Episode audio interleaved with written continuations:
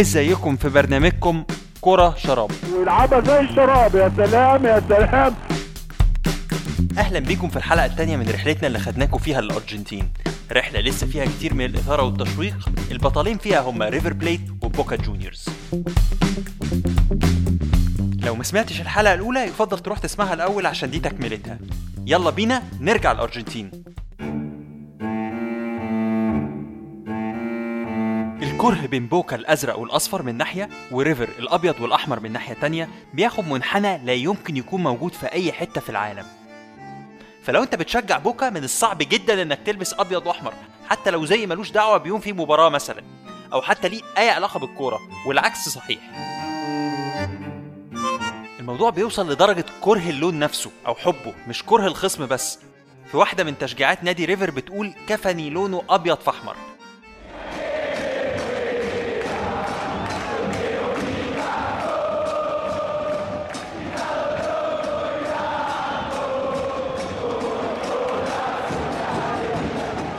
على الناحية التانية اشترطت إدارة بوكا على كوكا كولا إنها تغير لون اللوجو بتاعها الأحمر وأبيض لأسود وأبيض. الشركة بسبب شعبية بوكا الكبيرة وافقت وبقى لون شعارها في استاد البومبونيرا والأماكن المحيطة بيه أسود فأبيض البوكا وريفر كانوا دايما منافسين أقوياء وفعلا ما كانش حد فيهم كعبه عالي على التاني. لكن في 2011 اتغيرت الأمور ما بينهم وواحد فيهم إدى فرصة للتاني إنه يثبت إنه الأفضل. وده مش عشان حد منهم عمل إنجاز لا ده عشان واحد منهم هبط للدرجة التانية. فده سبب للتاني إنه يعتبر نفسه إنه الأفضل. والنادي اللي هبط كان ريفر بليت واليوم ده يعتبر عار في تاريخ النادي. حتى إن معلق الراديو اتاليو فابري المعروف بتشجيعه الريفر فقد أعصابه وشتم الفريق المنافس وقال لهم أنتوا فران حقيرة عشان تسببتوا في هبوط الريفر وإنه مش همه لو خسر وظيفته بسبب الشتيمة دي. ratas mandaron a River a la B. ¿qué van a hacer con la guita que se llevaron de este club? الفريق بعد المباراة فضل مش عارف يطلع من أوضة اللبس لمدة أربع ساعات وجماهير ريفر حرقت استادها استاد المونيمنتال. وبدأت في تكسير كل حاجة سواء عربيات أو محلات أو أي شيء يقابلها. ده حتى إن في مشجع انتحر قدام قطر لأنه متخيلش إنه يشوف الريفر في الدرجة التانية.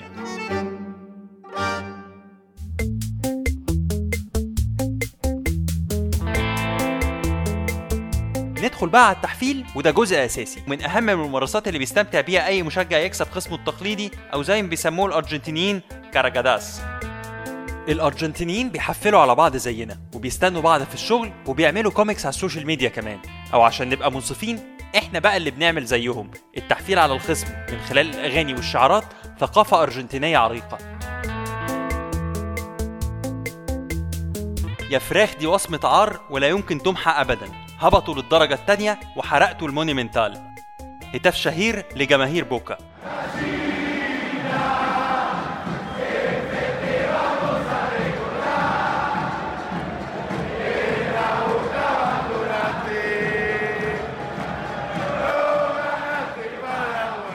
مش بس كده جماهير بوكا عملت شخصية كرتونية على شكل شبح بألوان ريفر وده بقى رمز لهبوط ريفر للأبد. حتى إن مشجعين علقوا الشبح ده في درون وأطلقوه فوق الملعب في واحد من الدربيهات في ملعب البومبونيرا ووصل الأمر ببعض جماهير بوكا لدق وشم شبح ريفر على جسمها. وأخيرا سموا الشبح ده B. وأطلقوا على فريق ريفر اسم ريبر وغيروا حرف ال V بال B عشان يفكروهم دايما بهبوطهم للدرجة الأدنى. وكجزء من التحفيل كل جمهور سمى الجمهور التاني بأسامي مهينة. جمهور الريفر بيقول على بوكا bosteros ومعناها ذوي الرائحة الكريهة. وجت التسمية بسبب مصنع للطوب كان مجاور لاستاد البومبونيرا وكان المصنع بيستخدم فضلات الحيوانات في تصنيع الطوب.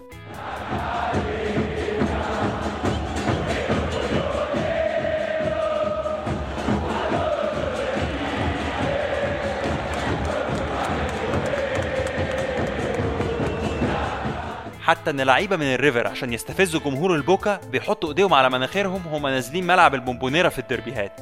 على الناحية التانية بوكا بيسموا جماهير ريفر الفراخ وده بسبب هزيمة ريفر في نهائي ليبرتادورس قدام فريق بينارول الاوروجواياني سنة 66 بعد ما فرط الفريق في تقدمه 2-0 بعد رجوع فريق ريفر من الهزيمة حدفهم جمهورهم تخيلوا بإيه؟ أيوه بالفراخ.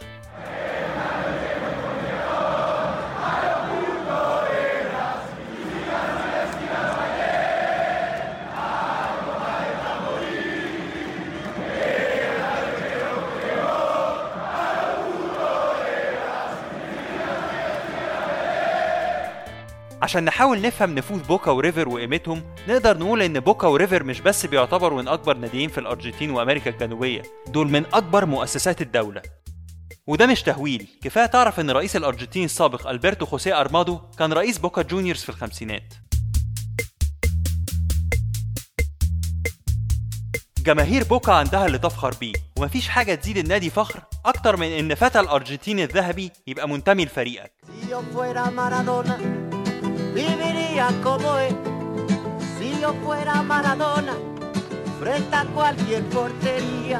Si yo fuera Maradona, nunca me equivocaría. دييجو أرماندو Si yo مارادونا fuera Maradona, perdido cualquier lugar.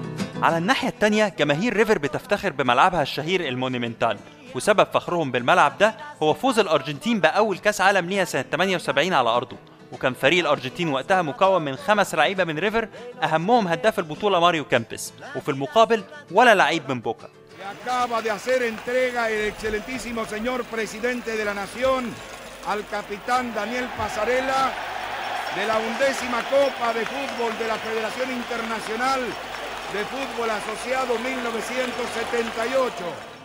ولو رجعنا بقى للكرة فهنلاقي إن الفريقين قدموا للعالم مواهب كروية فذة فبوكا جونيورز غير إنه قدم مارادونا بجلالة قدره قدم برضه رأس الحربة القصير كارليتوس تيفيز ولاعب الوسط الفنان خوان رومان ريكيلمي والمدافع القوي وولتر سامويل وعلى الناحية التانية اتخرج من مدرسة ريفر نجم الميرينجي ألفريدو دي ستيفانو الرهيب وهيرنان كريسبو ونجوم جيله أريال أورتيجا وكمان خافير سافيولا.